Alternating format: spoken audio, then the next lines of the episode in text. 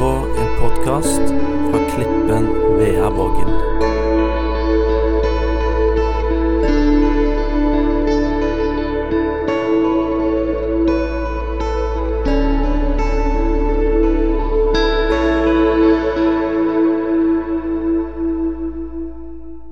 Du, menighet, det er jo vi alle en del av. Vi er Guds menighet på den jordkloden her. Vi er, er Kristi kropp. Vi er hans armer og bein som tar evangeliet ut. Eh, og hva er det egentlig vi ønsker å være i en menighet, hva ønsker vi å ha?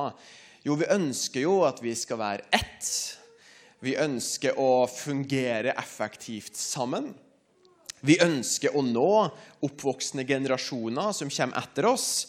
Og vi ønsker å dele evangeliet til verden rundt oss. Dette må jo være noe som vi ønsker å ha som menighet. Men da er jo spørsmålet hvordan realiserer vi det her? For én ting er å si det, veldig lett å si. Men hva skal vi gjøre? Nå, Jeg skal dele en liten historie fra mitt eget liv. En throwback til når jeg var yngre. Begynner å bli, Nå er jeg 30 år, folkens. Ja, det går veldig feil vei. Men, eh, men når jeg var yngre, da, sant? jeg vokste opp i en kristen familie, eh, men som hadde sine utfordringer som familie kan ha. Mamma og pappa ble skilt når jeg var 11, og mamma alene forsørga meg og søstera mi, som absolutt ikke var lett. Jeg skylder på at søstera mi var vanskelig. Jeg var jo så klart helt perfekt som barn. Eh, men det jeg husker litt som liten, var at det kom ofte et dilemma når søndagen kom. Og det var skal vi dra på møte? Og spesielt i vanskelige perioder så synes mora mi at det var vanskelig å komme seg på møte. Det var vanskelig å dra på møte. Og det er klart, meg som 14-åring som satt hjemme og spilte liksom World of Warcraft, jeg var ikke gira på møte heller, så jeg hjalp ikke akkurat. sant? Så hun fikk ikke så mye drahjelp fra meg og søstera mi. Eh, men mamma opplevde at livet var vanskelig, og det gjorde at hun ikke alltid følte for å gå i kirka. Og så har jeg tenkt litt på det her, og så har jeg en tanke som jeg skal dele i dag. Kanskje må vi slutte å gå i kirka, eller dra på møte. Og så blir du kanskje wow, wow, Alex, Sa ikke De som inviterte meg i dag, var sånn ah, ah, Nei. Men jeg skal si mer, da. sant? For det kan jo hende at vi tenker at vårt kall og oppgave er å gå i kirke. Men vår oppgave handler ikke om å bare møte opp i en bygning. Istedenfor så ligger det et kall over oss til å bli likedannet Jesus. Står det i Romerbrevet 8. Noen tar det veldig langt og vokser ut håret sitt. sant? Men det er noe med at vi skal ikke bare gå i kirke. Vi skal være planta i kirke. Vi skal være kirka. Vi skal være et lys som skinner inn i en mørk verden. Nå, Jeg hadde en mormor som hadde en ekstremt stor hage. Okay? Det var som en regnskog. Uh, og veldig kjekt for meg når jeg var liten, men mormora mi brukte ekstremt mye tid på å stelle blomster og planter og litt sånne ting. Og siden jeg var mye der, så plukka jeg opp litt sånn inside information om det her med å være planter. Sant? Så det er der jeg skal ta litt talen min i dag. da. For det å være planta, det er et språkbruk vi leser om i Bibelen. Nå I Salme 92, 13, så står det som følger, og du kan jo uh, følge meg i en oversettelse of your choosing hvis du vil det. Men i Salme 92, 13 så står det De rettferdige skal spire som et palmetre, og de skal vokse som et sedertre i Libanon. Og så skal vi se litt nærmere på det her, for det er jo godt mulig at det her er ikke ord og språkbruk du bruker til vanlig. Sant? Det regner jeg med. Og hvis du spurte meg òg hvordan går det med deg for tida, Alex? Så det er godt mulig at jeg ikke svarer jeg, jeg spirer, altså. Jeg blomstrer. Det er bare liksom, sant? Det er ikke helt min liksom, naturlige ordforråd. Uh, og Derfor kan det være litt forvirrende noen ganger når vi leser om det her i Bibelen. sant? Hvis, si at du er på, hvis du er på trening med en treningskompis eller en, en treningspartner, og så, og så tar de og pusher veldig, eksempel, så er det godt hende at du da ikke sier Vet du hva? Du, du spirer som et CD3 i Libanon akkurat nå. Bare musklene dine som et palme... Altså, sant? Mulig at du ikke har en treningskompis etterpå hvis du sier sånne ting. Um, så, så, så vi, vi, bruker ikke de ordene veldig ofte når vi snakker om mennesker, men det brukes ganske mye i Bibelen, og det er et flott bilde på akkurat det her som skjer når vi er planta. For hva betyr det å spire, da? Det betyr at man trives, det betyr at man vokser, det betyr at man har fremgang, man utvikler seg, og at man er en velsignelse for dem rundt seg, og at vi vokser åndelig. Og jeg tror, det er, jeg tror det er en god grunn til at salmeskriveren sammenligner det med å være planta i Herrens hus med to typer trær. Det er palmen, og det er seder. Nå Sedertreet var veldig godt kjent for slitestyrken sin og holdbarheten sin. Eh, og så var det kjent for å være et fint treverk å se på, og så lukta det godt. Blant annet så brukte kong Salomo i Bibelen han brukte sedertre når han bygde tempelet, når de laga søyler og stolper og bjelker og taket. For det var designa for å være behagelig og fint og bærekraftig og stødig fordi det skulle vare lenge. Så når vi sammenlignes da med et sedertre, så er jo det noe som skal være holdbart, noe som er sterkt, og noe som er varende. Og så har du palmetreet. sant? Og Det var ikke veldig mye palmer akkurat på Karmøy, men, men palmegrein har alltid i historien vært et symbol på triumf og på seier.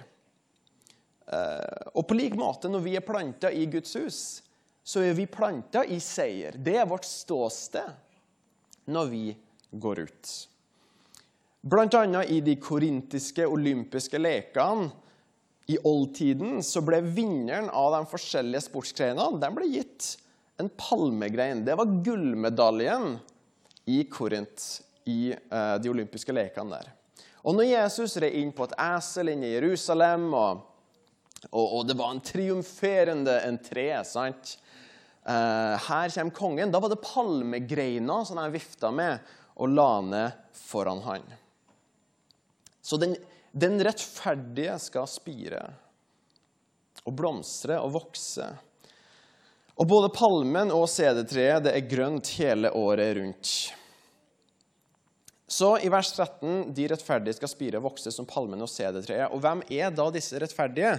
Jo, i vers 14 så står det 'de som er plantet i Herrens hus'.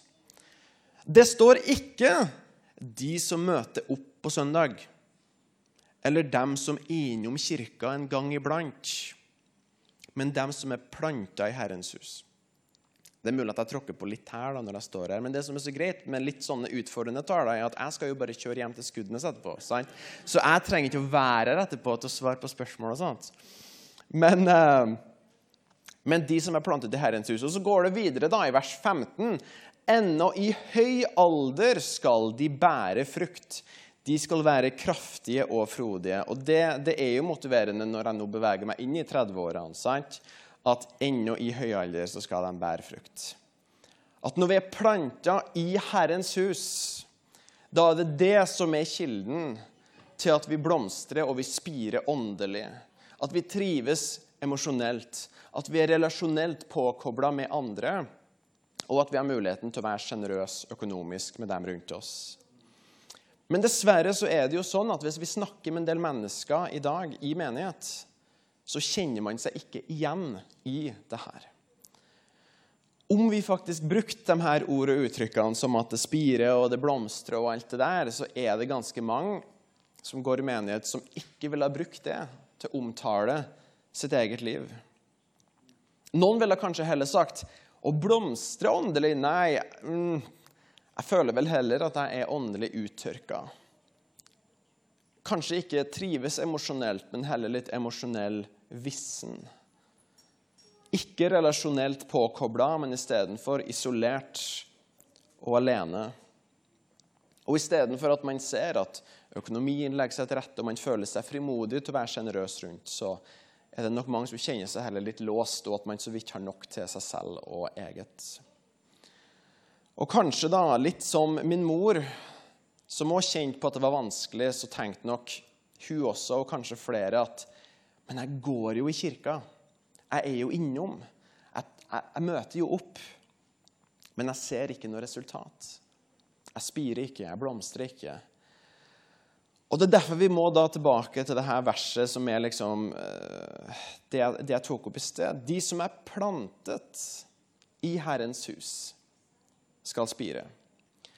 Og det vi kanskje må innse eh, Og jeg er veldig takknemlig til min mormor, som la ned liksom lange dager med planting av rododendron og gulrøtter i hagen hennes, så jeg fikk være med på det her. Det å forstå det at livet er som et frø. Nå, et frø har veldig mye potensial. Et frø har potensial til å vokse. Det har potensialet til å multiplisere, det har potensialet til å bære frukt og produsere frukt, til å velsigne andre. Men et frø som ikke blir planta, har òg potensial til å ligge sovende, til å ligge uproduktivt, til å ikke bære frukt og til å ikke ha noe vekst. Vårt liv er som et frø. Og Derfor så skal jeg se litt mer da, på prinsipper rundt det å plante. så Det er litt sånn, eh, sånn plantebasert eh, andakt i dag. Jeg håper det går bra. Men, men, livet er som et frø, og et frø må bli planta for, for, å vokse. Og hvem spirer og blomstrer? Jo, de som er planta i Herrens hus, leste vi. Nå, I Matteus 13 så forteller Jesus en historie om en såmann. Kanskje har du hørt om en tidligere. Eh, en såmann som drev på med jordbruk. Og på tida så var det utrolig relevant. Uh, veldig på en måte populært og, og, utbredt yrke i den kulturen. Og Derfor så er det ekstremt relevant når Jesus da forklarer det. At en bonde gikk ut for å så frø. Han gikk ut for å plante, og han kaster frøet ut. Noe frø havner på hard bakke og på veien. Og siden det ikke kun slår rot der, så kommer fuglene og spiser det. Og det var frø som aldri nådde sitt potensial. Så forklarte Jesus at noe av det havna i grunt jordsmonn, som ikke var særlig dypt. Så det begynte å vokse, men røttene ble aldri dype, så når sola sto på for fullt, så visna det opp og døde. Så forklarte han at noen begynte å spire, men tornebusker og andre planter på en måte kom i veien og kvalte livet ut av de voksne spirene. Og Jesus forklarte at det var at livets bekymringer kom og tok fokus istedenfor. Og her er det jo en del gode metaforer, fordi noen folk altså Alle har jo potensialet. Men så er det noen som aldri kommer seg noen vei. Man begynner å vokse, og så faller det. Man begynner å utvikle seg åndelig, og så kommer bekymringene, så kommer frykten, og så begynner vi å se oss rundt på verden vi bor i, og på alle utfordringene den har, og på alle regningene og på alle problemene, og så kveler på en måte livet ut veksten når det får all oppmerksomheten vår, og det er der fokuset vårt går. Men så forklarte Jesus videre at noe frø falt i god jord. Og der vokste. Og det multipliserte seg. Det ble 30 ganger så mye, og 60 ganger så mye, og 100 ganger så mye. Det ene frøet ble en gigantisk, massiv velsignelse fordi det var planta i god jord. De som er plantet i Herrens hus, skal spire. Og et frø vokser kun når det er planta. Så det jeg da vil nevne med den talen jeg har fått på mitt hjerte i dag, det er at det, at det å gå i kirke er ikke det samme som å være planta i Herrens hus. Og det ligger jo noe i språkbruken der, sant? for vi kan, vi kan dra på møte. Sant? Akkurat som jeg kan dra på kino, eller jeg kan dra på butikken. Og så kan vi dra til kirka. Men gjerne da, så, så, finnes det to holdninger her. Det ene er at vi, vi, vi spør, liksom. Og det, det, var liksom det jeg vokste opp med òg. Og det var det min mor på en måte hadde. Det er veldig greit, For mamma bor ikke her, og da kan jeg snakke veldig mye om henne. sant? Det går helt bra. altså Vi snakker mye, og så alt, alt, er OK. Så jeg har lov til å dele de tingene her. Men, uh, men det ble litt sånn Skal vi på møte i dag? Og når man begynner å spørre det, så er det fort gjort å tenke at vi er jo litt opptatt for tida.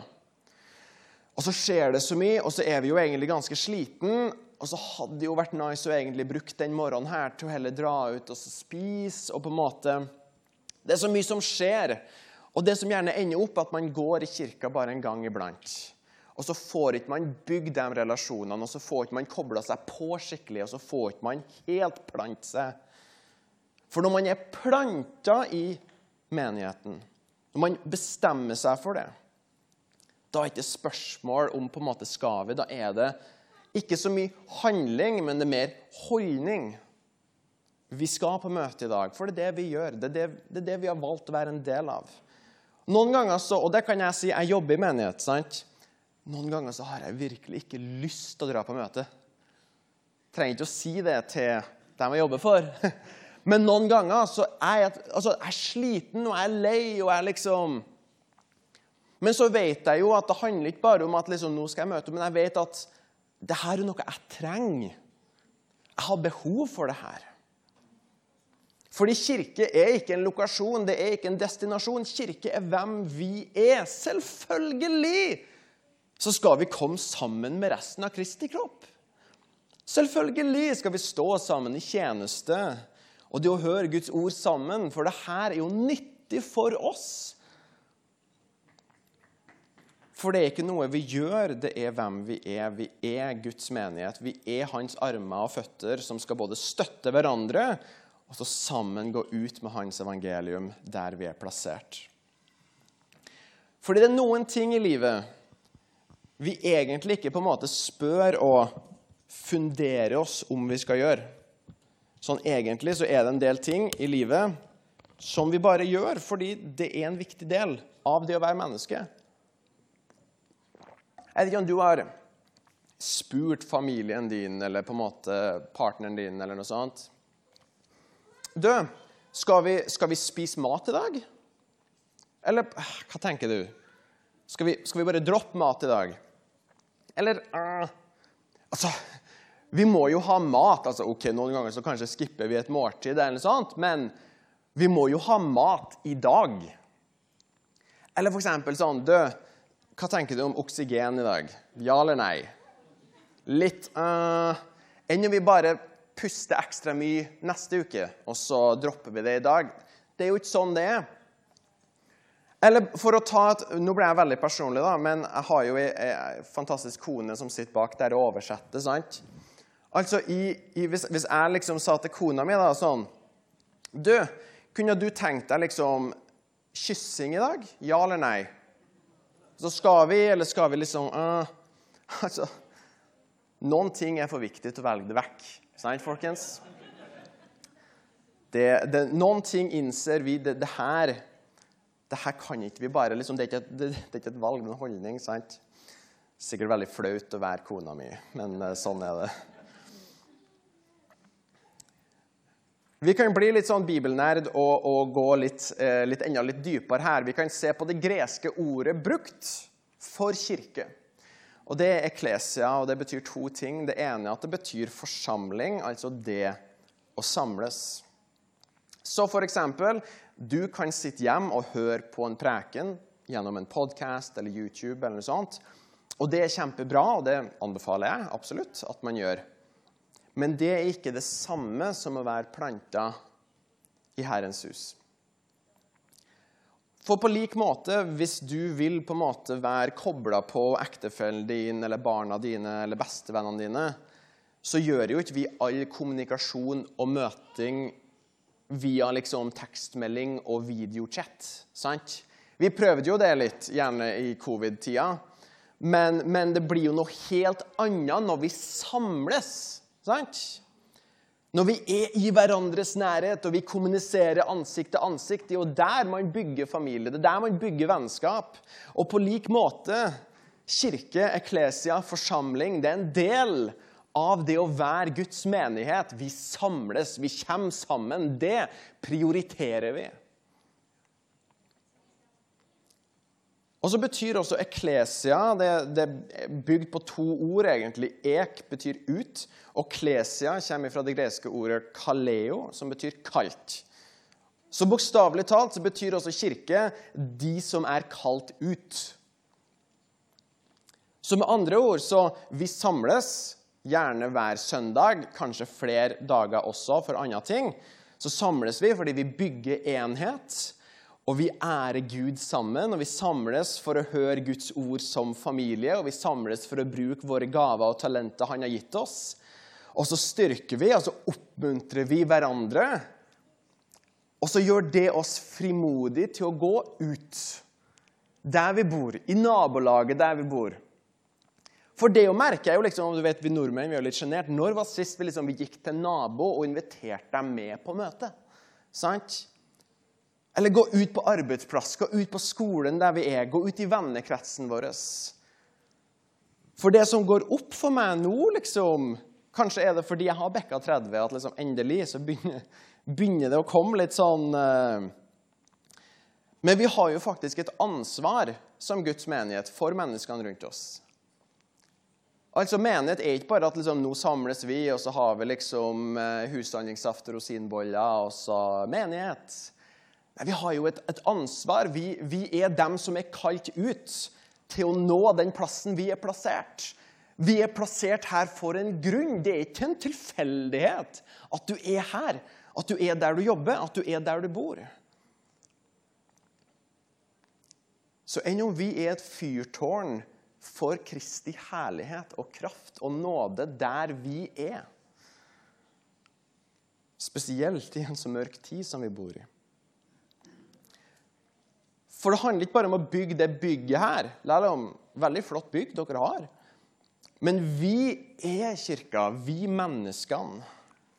Og så er vi kalt til å bringe lys og håp og sannhet til det lokale samfunnet vi er satt i. Hvor mørke og frykt plager så mange mennesker. Så vi må dele Jesus dit vi er kalt. Vi må plante oss, og det er vårt valg. Fordi du kan gå på møte i årevis uten å egentlig plante deg. Uten å ha laga sosiale relasjoner med resten av Kristi kropp som sitter rundt deg. Uten å ta virkelig til deg personlig Gud og menigheten sitt oppdrag her på veia som ditt eget. Så det som ofte skjer, da, er at man går på møte. Man er en gang iblant, men man blomstrer ikke. Og siden vi nå er liksom halvveis inn i en sånn naturfagstime uansett, med planter og sånt, så kan vi jo egentlig bare holde oss til det temaet litt. Um, for når du er planta, når du bestemmer deg for at nå skal jeg plante meg, og du står i det, så vil du over tid få dype røtter. Det er et resultat av å være planta i rett jord. Når Jeremia 17 så blir det masse liksom, forskjellige bibelvers, så dere kan bare søke opp det på bibelappen. Jeremia 17. Si det her om den som bygger livet sitt på Gud.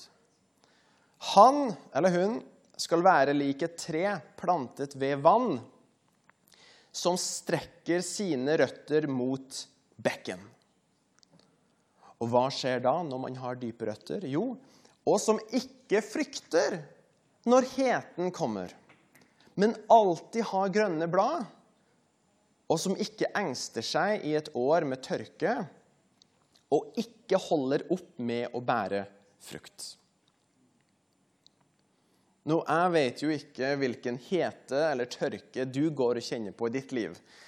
Men jeg har lært såpass som menneske at det er mange perioder i livet med liksom, åh, det begynner å bli litt sånn varmt på alle hold, og hva skal man gjøre? Og Noen ganger så er man jo i tørkeperioder, og man føles ut som man er midt i ødemark. Så jeg vet ikke hva du står i. Kanskje det er noe vanskelig, kanskje det er noe som har holdt på lenge, og kanskje kjenner du liksom at du savner påfyll, du savner liv. Men så får vi da lese i Guds ord at når vi får dype røtter, så står det at man ikke frykter heten eller engster seg over tørken. Og da er det sånn, Selvfølgelig, vi som mennesker kan kjenne på liksom følelser og emosjoner, så jeg kan ikke liksom love deg at du kommer aldri til å kjenne på frykt igjen. Det er liksom, eh, Jeg har sånne daglige angstanfall sjøl, så det, det, er bare sånn det er noen gang. Men Hele poenget er at vi trenger ikke å bekymre oss når vi er planta i Herren, fordi jeg er kobla på en kilde som er mye større enn ethvert problem jeg kan møte på overflata her. Uansett hva du møter, uansett hvordan det står på, uansett hvor stor og vanskelig og utfordrende den situasjonen er, så er vi kobla på en kilde som er større, som er kraftigere, som er mektigere. Det er jo nesten så vi kunne ha sagt amen, vet du, for det Amen. Et tre med dype røtter, det faller ikke over ende i stormen. Allikevel om det føles ubehagelig ut på overflata noen gang. Noen ganger så er det liksom sånn at vinen tar skikkelig tak i oss, sant? og vi svaier fram og tilbake. Men hvis vi har dype røtter, så går vi ikke over ende.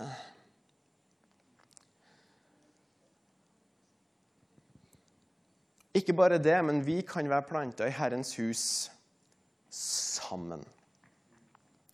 Nå, For å gå tilbake til hagen til bestemora mi. så Hun hadde en kjempestor hage. Gigantisk tomt. Eh, og hun var den som liksom hadde ansvar for den. Men så helt bakerst i hagen så var det et område som liksom bestefaren min hadde fått liksom dedikert for seg. Um, så bestemora mi hun hadde blomster overalt. sant? Eh, det var eh, rododendron og petunia og tiriltunge og forglem ei ei og prestekrage. Og du hører liksom at Jeg mener det når jeg sier at jeg, det her var noe som Altså, det, det, var en jungel av fargerike blomster i forskjellige størrelser og farger overalt. Men bestefaren min han var en litt mer enkel mann. Så i hans flekk helt bakerst så bare planta han ti grantrær. Det var liksom hans Ti grantrær på to rekker, liksom fem stykk. Done deal, liksom. Det var hans greie. Og dem planta han eh, når mora mi var ganske så lita, eh, om det, eller om det var før hun ble født da.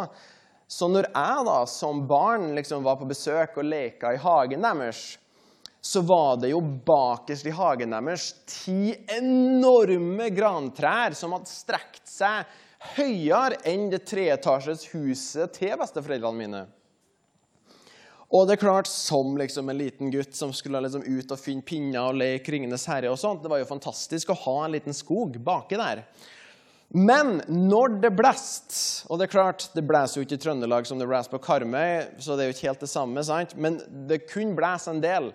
Og jeg husker som liten at jeg var alltid livredd for at de trærne her skulle falle over ende og knuse liksom, huset til besteforeldrene mine. Eller enda verre, å knuse meg, liksom. Men eh, liksom, år etter år, forskjellig type vær, de trærne, de sto. De falt aldri over. Og det jeg på en måte har lært da, i, i uh, voksen alder, og, egentlig litt når jeg holdt på og, og preparerte meg for den talen her også, er at en del sånne trær som ofte vokser i sånn skogformasjoner, og som blir veldig høy, det er ikke bare det at de slår dype røtter, men de tvinner røttene sine imellom hverandre sine røtter de, på en måte, de, de, de, slår dem sammen og tvinner dem sammen. Så når det blåser, og det treet står og svaier, så er det ikke bare det ene treet sine røtter som holder stående. Det er alle røttene.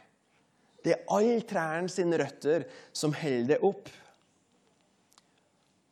Og Det er, også, det er også grunnen til hvorfor det er så viktig som menighet at vi er planta sammen. For jeg kan love deg det at hvis det er én ting vår åndelige fiende, djevelen, ønsker, så er det at vi skal være isolert.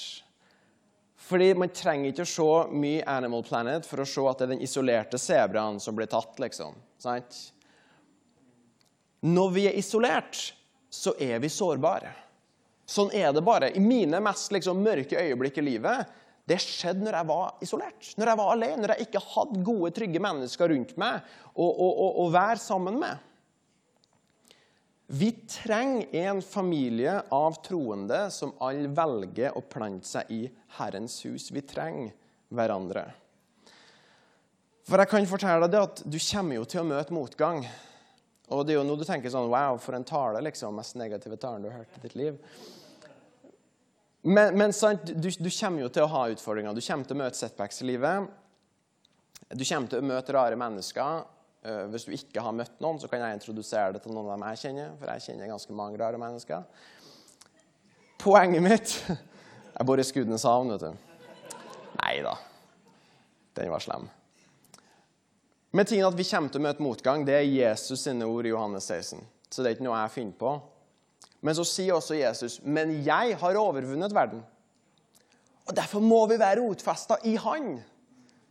For ja, det kommer til å være utfordringer, men han har overvunnet den. Derfor må vi koble oss på og være rotfesta og få dype røtter i han og i hans oppdrag og i hans menighet.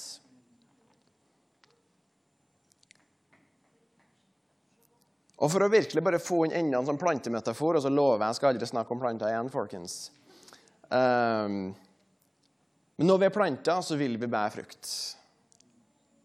Paulus skriver om åndens frukt. Altså ikke noe som vi lager selv, men noe som, noe som vokser fram åndelig av at vi er påkobla Gud. Det er et resultat av det. Da vokser kjærlighet, da vokser glede, da vokser fred og tålmodighet og godhet og tro. Og siden det ikke kommer fra vår egen styrke, men fra Ånden, så betyr det også at derfor vil de tingene utholde vanskelige perioder. For det er ikke bygd på meg, som er uperfekt. Det er bygd på Han istedenfor. Som betyr at i en vanskelig sesong så kan jeg fremdeles ha kjærlighet til dem rundt meg. I en utfordrende tid så kan jeg fremdeles kjenne på glede og fred og takknemlighet. Fordi vi vet at Gud gjør sitt verk i oss og gjennom oss fordi vi er planta i hans hus. For egentlig, da, trær og blomster og sånt, hva skal egentlig til for å vokse? Jo, det er jordsmonn, og det er lys, og det er vann, eller vann, eller jeg vet ikke hva dere sier her på Karmøy. Og så temperatur, og så trengs det tid. Og for å på en måte, Da skal jeg avslutte, så Mats, du kan få lov til å, å uh, spille litt i bakgrunnen. Men Guds ord, det er jo et lys for våre føtter. Jesus, han er det levende vannet. Den hellige ånd er som ild. Der får du liksom temperatur. Og så har du tid, da. For når er den beste tida å plante et tre? Og det er 20 år siden. Sant?